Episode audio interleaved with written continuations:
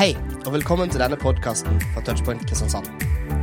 Denne talen er spilt inn på et av våre møter, som er hver torsdag klokka halv åtte. Så gøy å være her. Dette syns jeg var spennende. Eh, der så nå Richard Dawkins, der så Sam Harris, der så Stephen Fry i innledninga. Kanskje noen av dere har hørt om dem, kanskje noen av dere ikke har hørt om dem. Men det er i hvert fall en vanlige altså si, nyateister som går imot kristen tro, og som ønsker å sette på plass kristne og si at religion det er roten til alt ondt. Og nå, For et par uker siden så hadde jeg en debatt på, eh, med en som er 70 år, og som er skikkelig arrogant i forhold til at kristen tro det er bare tull. Og det var en fryd å møte han. Sånn er jeg. Så sær er jeg. Så eh, jeg elsker å bli grilla som kristen. Og Derfor har jeg også vært med oss å skrive ett svar. Altså Jeg er en, en tjuendedels forfatter. Det er ikke mye å skryte av. Derfor kan jeg skryte av det. ikke sant? Så der er det 20 innvendinger mot kristen tro. Og så har jeg vært med å svare på hvorfor skal Gud absolutt bry seg om min seksualitet. Jeg vil si det var det vanskeligste spørsmålet jeg fikk. Men det er spennende. Og i hvert fall de andre 19 svarene er veldig gode, syns jeg. da. Så hvis dere vil, så har jeg lyst til å si til dere jeg vil være her i kveld. Og Benytt muligheten til å komme med en innvending som du syns er vrien, som gjør at du syns det er vanskelig å tro. For jeg har så lyst til å være med og hjelpe deg til å se at det du tror på, det er troverdig. Det er det mest sannsynlige av alle alternativene. Og Det handler ikke det om at jeg tror at det er noe orakel som kan svare på alt. Men jeg har så lyst til å gi ærlige svar på de ærlige spørsmålene som kommer. Det er mange som bare ønsker å diskutere for å diskutere, og de gidder ikke jeg bruke tid på. Men hvis du har et ærlig svar på et ærlig spørsmål, så syns jeg det er utrolig fint å kunne være med gi hjelp til deg. Så etterpå møtet så står jeg utenfor med de bøkene. Kom bort og still deg spørsmål. Så kan det godt være jeg kan gi en liten vinkling på det, svaret, på det spørsmålet du har, og så være med og hjelpe deg over en liten kneik. For tvil er ikke farlig. Tvil er bare to tanker i hodet på en gang. ikke sant? Tvilling. To. Så det er ikke farlig. Er, hvis du tror at Jesus lever, så kommer noen og sier at Jesus lever ikke, så er det to tanker i hodet på en gang. Da er det tvil. Så ikke vær redd for tvil. Bare undersøk det heller. Er det hold i det? Er det mer hold i det han sier, enn det du tror? Så må du heller revurdere din tro. Ikke sant? Så enkelt. Og Derfor har jeg lyst til å være med og kunne vise at det vi tror på, er troverdig. Og da spesielt så ser jeg det at jeg har mange gode grunner til at jeg er kristen. Jeg har bl.a. en undervisning som er mine 17 grunner til at jeg er kristen. Og en av de grunnene til at jeg er kristen, det er faktisk det ondes problem. Det var liksom nå spoiler alert. Nå forteller jeg at det fins en løsning på det ondes problem. Og så høres det kanskje litt arrogant ut, siden dette har vært en utfordring i lang, lang tid. Men vi har det beste svaret, og vi kan være frimodige i forhold til det. Og det er faktisk en grunn til at jeg er kristen, faktisk det jeg skal dele med dere i kveld. Så jeg håper jeg kan være med og gi deg noen sånne tanker på det. Og hvis ikke dere skjønner noe av det, så finnes det også noen videoer på snakkomtro.no. Så kan dere søke donorsproblem, og så har vi lagd sånn seks videoer som jeg har med donorsproblem. Så kan dere slå opp det hvis dere ønsker. Men hvis noen kommer og sier at de ikke tror på Gud, så kan ikke jeg si at jeg tror på Gud. Fordi at Da går jeg inn i hans tankegang om hvem Gud er. Og Hvis han har en tanke om at det er Gud, det er en dømmende Gud som bare elsker å sende mennesker til helvete, eller hva det måtte være, så sier jeg at jeg tror på den Gud som ikke de tror på. Så da sier jeg heller fortell litt om den Gud som du ikke tror på. For mest sannsynlig tror ikke jeg heller på han. Er det med? Så kan heller jeg fortelle litt om den Gud som jeg tror på. For vi har noen gudsbilder som ikke helt er ikke helt riktig. Og jeg er jo heller ikke helt riktig gudsbilde. Men det er mange som har gale gudsbilder. Og blant annet de som der så på skjermen her, Stephen Fry, som bare ikke kan tro på en gud som elsker å sende sykdom til små barn. Nei, Hvem vil tro på en sånn gud? Jeg tror heller ikke på en sånn gud. Eller en gud som bare elsker å sende mennesker til et sted hvor ingen ønsker å være. Jeg tror ikke på en sånn gud. Men jeg vil gjerne fortelle litt om den Gud som jeg tror på. Jeg tror på en Gud som er god, og bare god. Ja, Stemmer det overens med det vi leser i Bibelen, og spesielt i Gamle testamentet? Jo, Men Bibelen forteller at Gud er god, og bare god. Så må jeg spørsmål til dere helt til starten. Er det ondt å straffe det gode? Ja. Er det ondt å straffe det som er ondt? Er det ondt på en måte å ta et oppgjør med det som er galt i verden? Og hva mener jeg med det? Alle er enige om at det er greit at Hitler og Anders Behring Breivik blir straffa. Det er godt at Gud straffer det onde. For Hvis ikke så ville han vært lavere moralsk sett enn det vi er med det. For vi reagerer på det. Og Vi vil ta et oppgjør med det onde og si nå er det nok. Du har ødelagt så, mye i denne verden her at du får ikke lov til Vi må begrense din frihet. For utgangspunktet så er vi frie alle sammen. Så må noen begrenses, for de misbruker den frie vilje. Men det er ikke ondt at Gud straffer det onde. Og Det er kanskje det vi ser masse i Det gamle testamentet, og som blir vanskelig for oss når vi leser med 2019-briller inn i Bibelen. Så er det vrient å forstå at faktisk Gud da bruker andre folkeslag til å straffe Israelsfolket, eller Israelsfolket til å straffe andre folkeslag. Og vi ser at det på en måte blir en rettferdighet der og da. Og det er det vrient å lese. Men det er ikke ondt at Gud straffer det onde. Og det er, en nøkkel til å kunne forstå litt av dette. For Gud han er bare god, og han elsker menneskene. Men hvis Gud elsker, så handler det å elske noen det handler om å sette i frihet de du elsker. Gi dem frihet til å eventuelt elske tilbake. For hvis du bare blir tvunget til det, så er det ikke kjærlighet. Hvis Gud hadde sagt du kan, elske, du kan velge mellom meg eller meg, det er ingen frihet, det er ikke kjærlighet. Så Gud har skapt mennesker med en fri vilje. Og frie viljer kan velge å såre hverandre.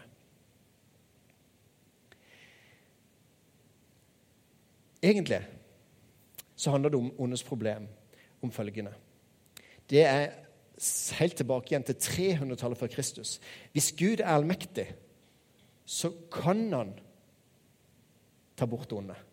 Hvis Gud er kjærlig, så ønsker han og så vil han ta bort det onde. Og siden vi ser det onde som en del av denne verden her, så blir konklusjonen Gud kan ikke være kjærlig eller allmektig. Og så blir konklusjonen at det fins ikke en sånn Gud. Men det er utelatt et alternativ i den konklusjonen der. Det at Gud som en framtidig hendelse kommer til å ta vekk det onde. Det at en dag så er det nok. Det er ikke med. Det er tatt vekk. Det er ikke noe alternativ. Det er som at jeg får spørsmål. Rune, du kan velge Nei, ok, Ja-nei-spørsmål til deg, Rune. Har du slutta å slå de kone? Svar ja eller nei. Hva skal jeg svare på det? Ser dere at det er et alternativ? Det at jeg aldri har slått, er ikke med som et alternativ, for du får ja-nei-spørsmål. Og alternativet, at Gud en dag i framtida kommer til å ta vekk det onde, det er ikke med. For folk konkluderer med at siden det onde er her, så kan ikke Gud være kjærlig eller god. Ja, men hallo, Bibelen er full av løfter om at en dag så skal det onde tas bort. Ikke sant? Det kalles gjerne dommens dag. Og Noen ganger så tenker vi kristne at vi må ikke snakke så høyt om dommens dag. Hallo, ikke spre det utenfor disse vegger. For tenk hvis folk får med seg at vi Gud dømmer mennesker. Ja, men da, da har vi misforstått. Det er jo det vi må rope ut og si. Gud skal ta et oppgjør med den onde. Gud er rettferdig. Han ser alt den driten du må gjennomgå. Og han gråter med deg. Han hater det som skjer. For han elsker sine barn. Han ser ondskapen ødelegge denne verden. Det fine som Gud skapte, overmåte godt. Og så er det ødelagt. Det er noe som kommer inn og ødelegger det fine. Og Bibelen kaller, det gjerne for synd. Og Jeg syns det er et veldig fint ord. Kanskje litt ødelagt av og til. Men det er med på å fortelle meg at dette livet her egentlig er fantastisk. Jeg elsker dette livet. Men det er noe som ødelegger det fine. Det er noe som ødelegger flotte vennskap, sjalusi, misunnelse eller andre ting. Det er noe som ødelegger det fantastiske som Gud har skapt. Ja, Men hvorfor tillot Gud det onde å komme inn i denne verden, da? Av kjærlighet. Hvis du tenker da at eh, Gud Da er det Gud og ikke Gud. Og Hvis Gud trekker seg vekk fra et område, Gud som bare er kjærlighet, så må det være et helvete. Er dere med? Hvorfor var Gud så dum at han satt kunnskapens tre i hennes hage? Han visste jo at de kom til å spise av det.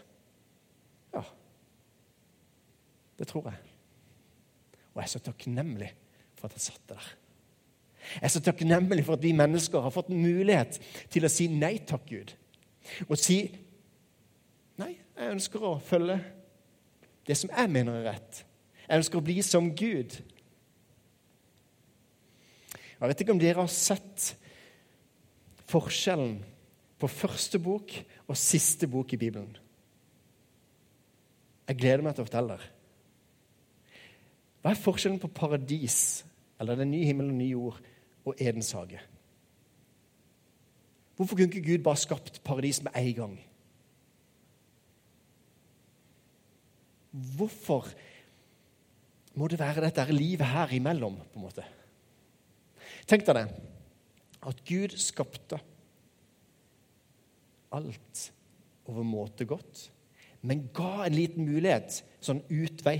Altså Hvis noen ikke vil være med på dette her, det er mulig å stikke av. Gud setter kunnskapens tre der. Hva skjer når de spiser kunnskapens tre? Jo, de erfarer godt og vondt. De erfarer lidelsen. Og hva sier Gud da? Oi, nå kan de ikke leve dette, som dette evig. Så derfor må de ut av Edens hage, så at de ikke kan spise livets tre. Hvis de spiser livets tre, så har vi det gående sånn som dette er i en hel evighet. Og Det er veldig bra i 70-80 år, dette livet, men, men å ha en evighet på den måten her, det synes jeg har vært krevende. Vi må dø. Og det er faktisk en løsning at vi dør. For det er en befrielse, på en måte. Men vi må vekk. Vi har fått kunnskap om godt og vondt, men vi må vekk. Og så på dommens dag så tar Gud et oppgjør med det onde og knuser det onde. Da vil det ikke være ondt mer. For det som en gang var, er borte. Han skal tørke bort hver tåre fra deres øyne. Og smerte skal ikke være mer. Ingen lidelse. Ingenting vondt, for det som en gang var, her borte. Det er en helt ny virkelighet. Hva er forskjellen da? Forskjellen er at de som vil, og som velger å si at 'jeg vil følge deg, Jesus', 'Jeg vil bøye meg for deg, Gud', de kan få lov til å komme inn til Hans rike. Kom alle som tørster.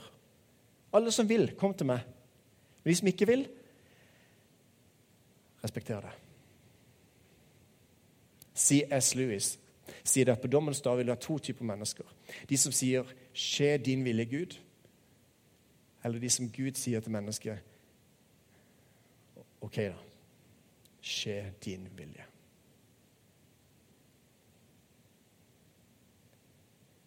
Den nye himmel og nye jord har ikke kunnskapens tre.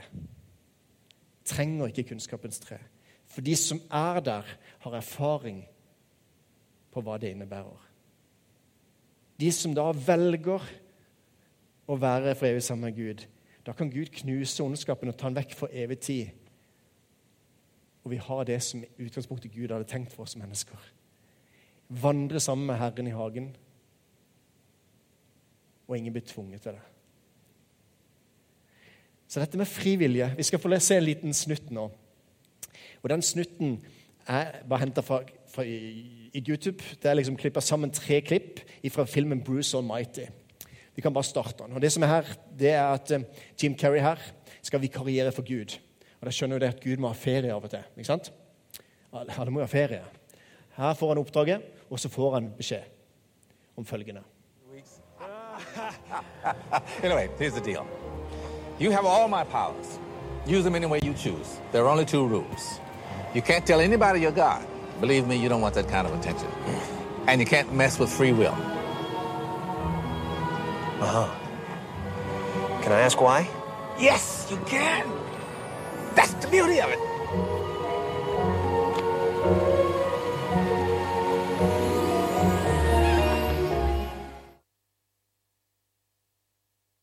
Enjoying your party?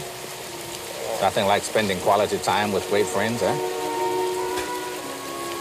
Grace left me. Yeah, I know. She'll take me back.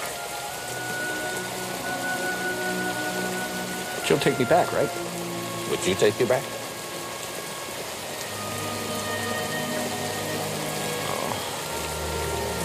How do you make somebody love you without affecting free will? Welcome to my world, son. You come up with an answer to that one, you let me know.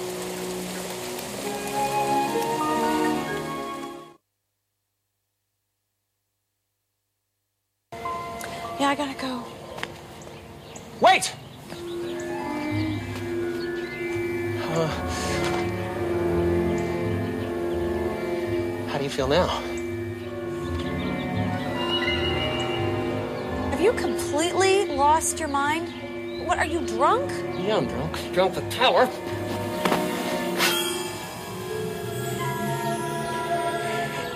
Love me. Love me. Love me. Love me! I did.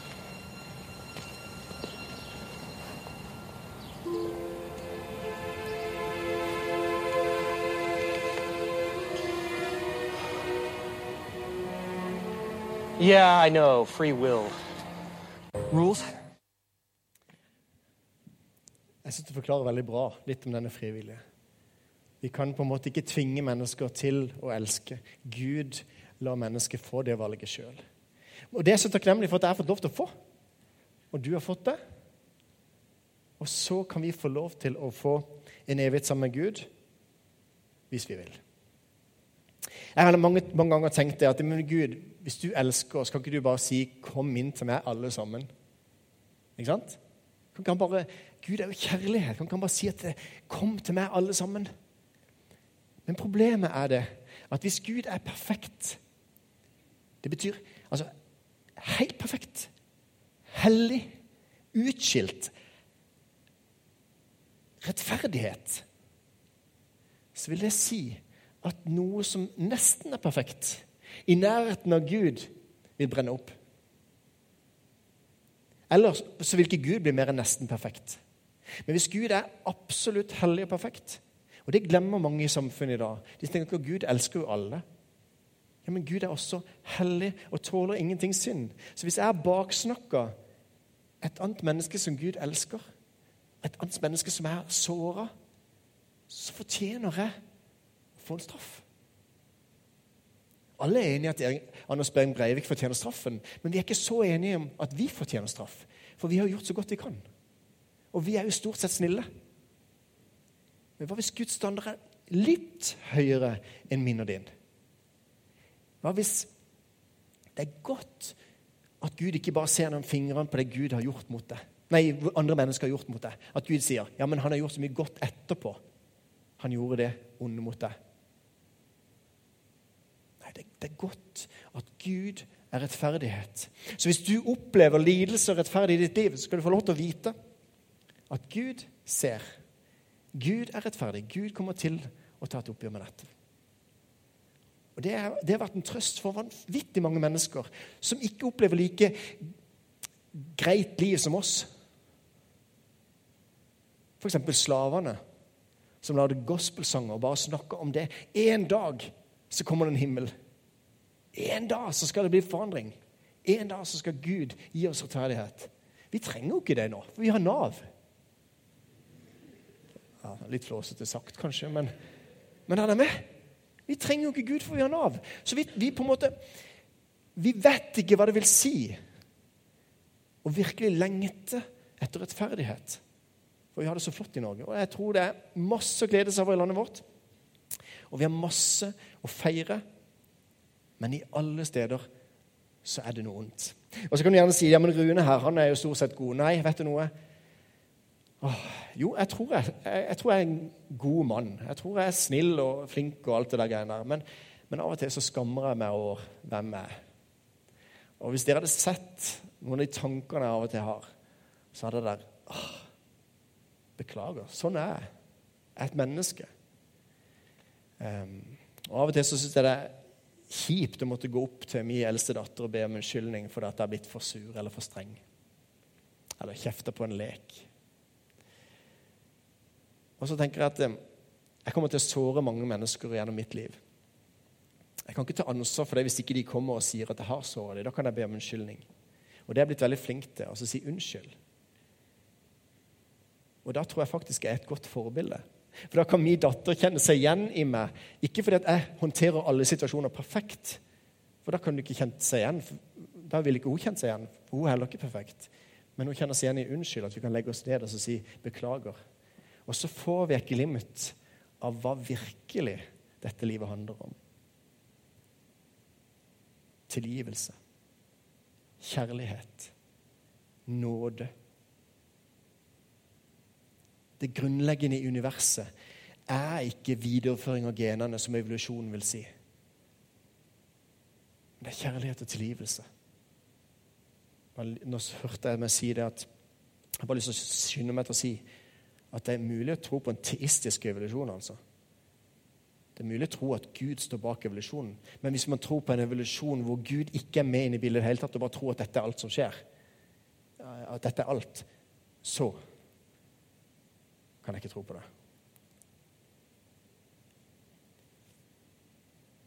Men hvis Gud skulle tatt vekk det onde på den sida og det gode på den sida Det hadde vært kjempegreit. Kan ikke du bare fikse det, Gud? Jo, men problemet er at den skillelinja går gjennom mitt hjerte.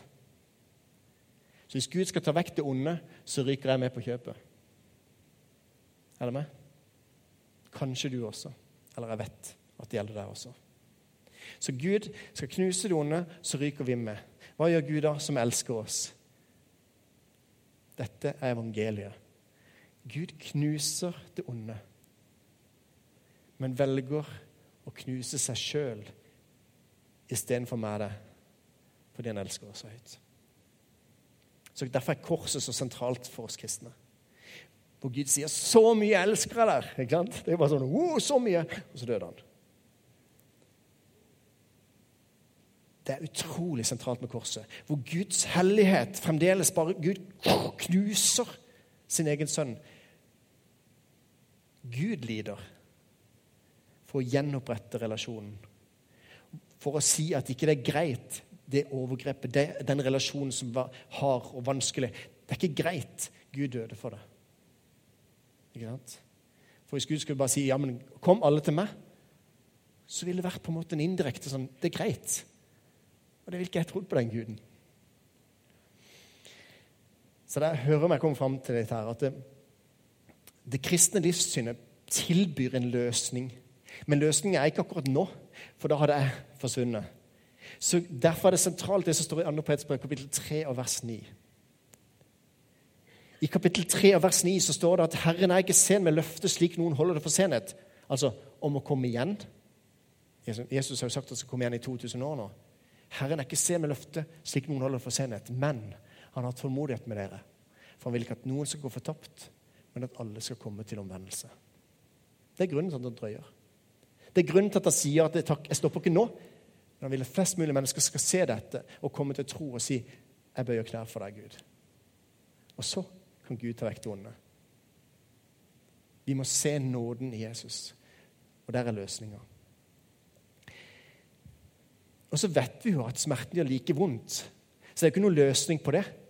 Det eneste svaret Bibelen har, er at det er ikke noe system. på en måte. Det er ikke sånn at Nå har du opplevd tre ting som har vært vonde, og du har vært opplevd to, da venter du, da må du få en vond ting. Nei, noen opplever alt, virker det som. Det er noen som får alt. Og Av og til så tenker vi også at ja, de andre har ikke opplevd så mye som meg. Men det er jo bare fordi vi ser ikke situasjonen. Vi sammenligner vår innside med andres utside. Og det er ikke en fair sammenligning. Vi trenger å se at Gud han sier ikke at det er noe rettferdighet i det som skjer. Det rammer blindt. Lidelsen rammer blindt. Det onde er blitt tillatt, men Gud sender ikke det onde. Hvis du er muslim, så må du tro at Allahs vilje skjer uansett. Alt som skjer, av Allahs vilje. Inshallah. Som kristen kan jeg si at det er et brudd med Guds vilje. Et syndefall. Og hva, Hvorfor skjedde det da? Er ikke Gud allmektig? Jo, men Vi skjønner ikke ordet allmektig, for vi tenker at Gud da kan gjøre alt. Men han kan ikke skape en fri vilje som ikke er fri. Han kan ikke skape en firkanta trekant. Han kan ikke skape en skalla mann. Han kan ikke lugge en skalla mann. Er det med? Fordi at det går mot logikken. Da kan ikke vi snakke sammen. Da, da må vi bryte med logikk. Så vi må tenke at den frie vilje den må være mulig å velge noe annet enn Gud. Ellers er en ikke fri. Og Derfor er det så sentralt. Så en muslim må tro at alt som skjer, er alles vilje. Jeg tror ikke alt som skjer, er Guds vilje, men at Gud har tillatt det. Gud tillot Satan å herje med jobb. Og for å si det rett ut jobbsliv, jobbsbok i Bibelen, det er også ditt liv. Gud har tillatt den onde å herje i ditt liv, i denne verden her. Derfor skjer det tsunamier og naturkatastrofer som ikke er følge av vår frie vilje, hvor vi har valgt noe, så skjer det en konsekvens av det. Eller at jeg for velger å drikke og setter meg bak rattet på bilen, og så tilfeldigvis er det en lite barn som går ut i veien akkurat når jeg kommer. For Synden får konsekvenser, men også den onde regjerer i denne verden her, og som gjør at det skjer tsunamier og andre ting. Hele verden, hele universet trenger en ny himmel og ny jord. Det skal være en ny, altså, gjenopprettelse av det. Og Derfor så tror jeg på at Gud tillot slangen å komme inn i Edens hage. Er det med? Fordi Satan utfordra Gud og sa eneste grunn til at jobb tilber deg, det er fordi at du velsigner ham så mye. Og så sier Gud nei, jeg tror ikke det. Så tillater han Satan å slippe til for å se om det er noen som bøyer knær for Gud, uansett hva som skjer. Uansett hva som skjer i ditt liv. Forkaster du Gud fordi det ikke går deg vel?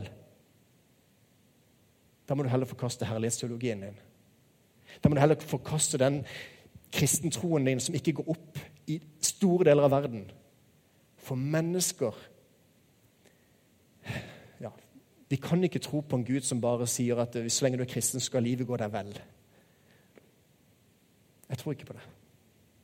Jeg tror på en Gud som lider med meg og som går sammen med meg midt i lidelsen. Og Det eneste som Gud har lovt, er at se, jeg er med dere alle dager inntil verdens ende. Så Gud er ikke redd for lidelse. Gud lider og går sammen med oss.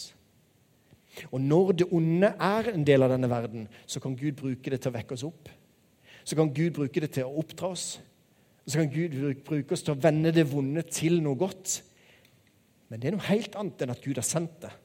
Men Gud bruker det onde til oppdra oss, forandre oss. Ja, Vi kan lære noe. Det blir en prøve for troa vår, og vi kommer styrka ut på den andre sida.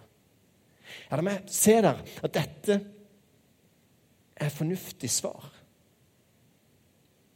Se der at det går an å argumentere for Gud, og også faktisk bruke fornuften til å argumentere. Men hvis du lider akkurat nå, så bryr du deg katta om det jeg sier nå. Det du trenger, er at noen ser deg og gir deg en god klem. Hvis du opplever smerte, så trenger du ikke noen forklaring. Men du kan vite at det er en forklaring, og vite at ting henger sammen. Og så kan du vite at det er en Gud som går med deg midt i lidelsen. Etterpå nå Låsens time kan komme fram. Etterpå nå så vil det være forbønn.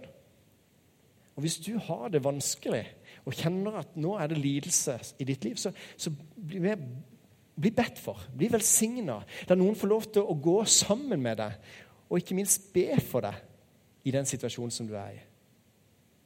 Det er fantastisk. Og det beste av alt er at vi som kristne er blitt kalt til å kjempe mot det onde. Vi skal ikke bare si at det, det er sikkert Guds vilje. Nei, vi skal kjempe mot det onde og møte det onde med det gode.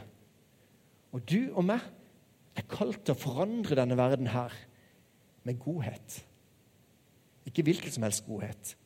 En overraskende godhet. Sånn godhet, godhet. Sånn agapekjærlighet. Sånn som ikke fortjener mennesker som ikke fortjener det. Du er kalt til å møte og forandre denne kalde verden med din varme. Derfor er vi her. Ellers hadde vi vært i himmelen nå. Ikke sant? Lykke til med å stå opp for Jesus. Det er også mulig for å bli bedt for. At du ønsker å stå opp og ikke være redd for å bekjenne at du er en kristen.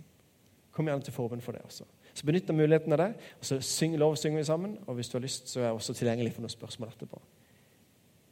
Men husk se, jeg er med dere alle dager inntil verdens ende. Amen.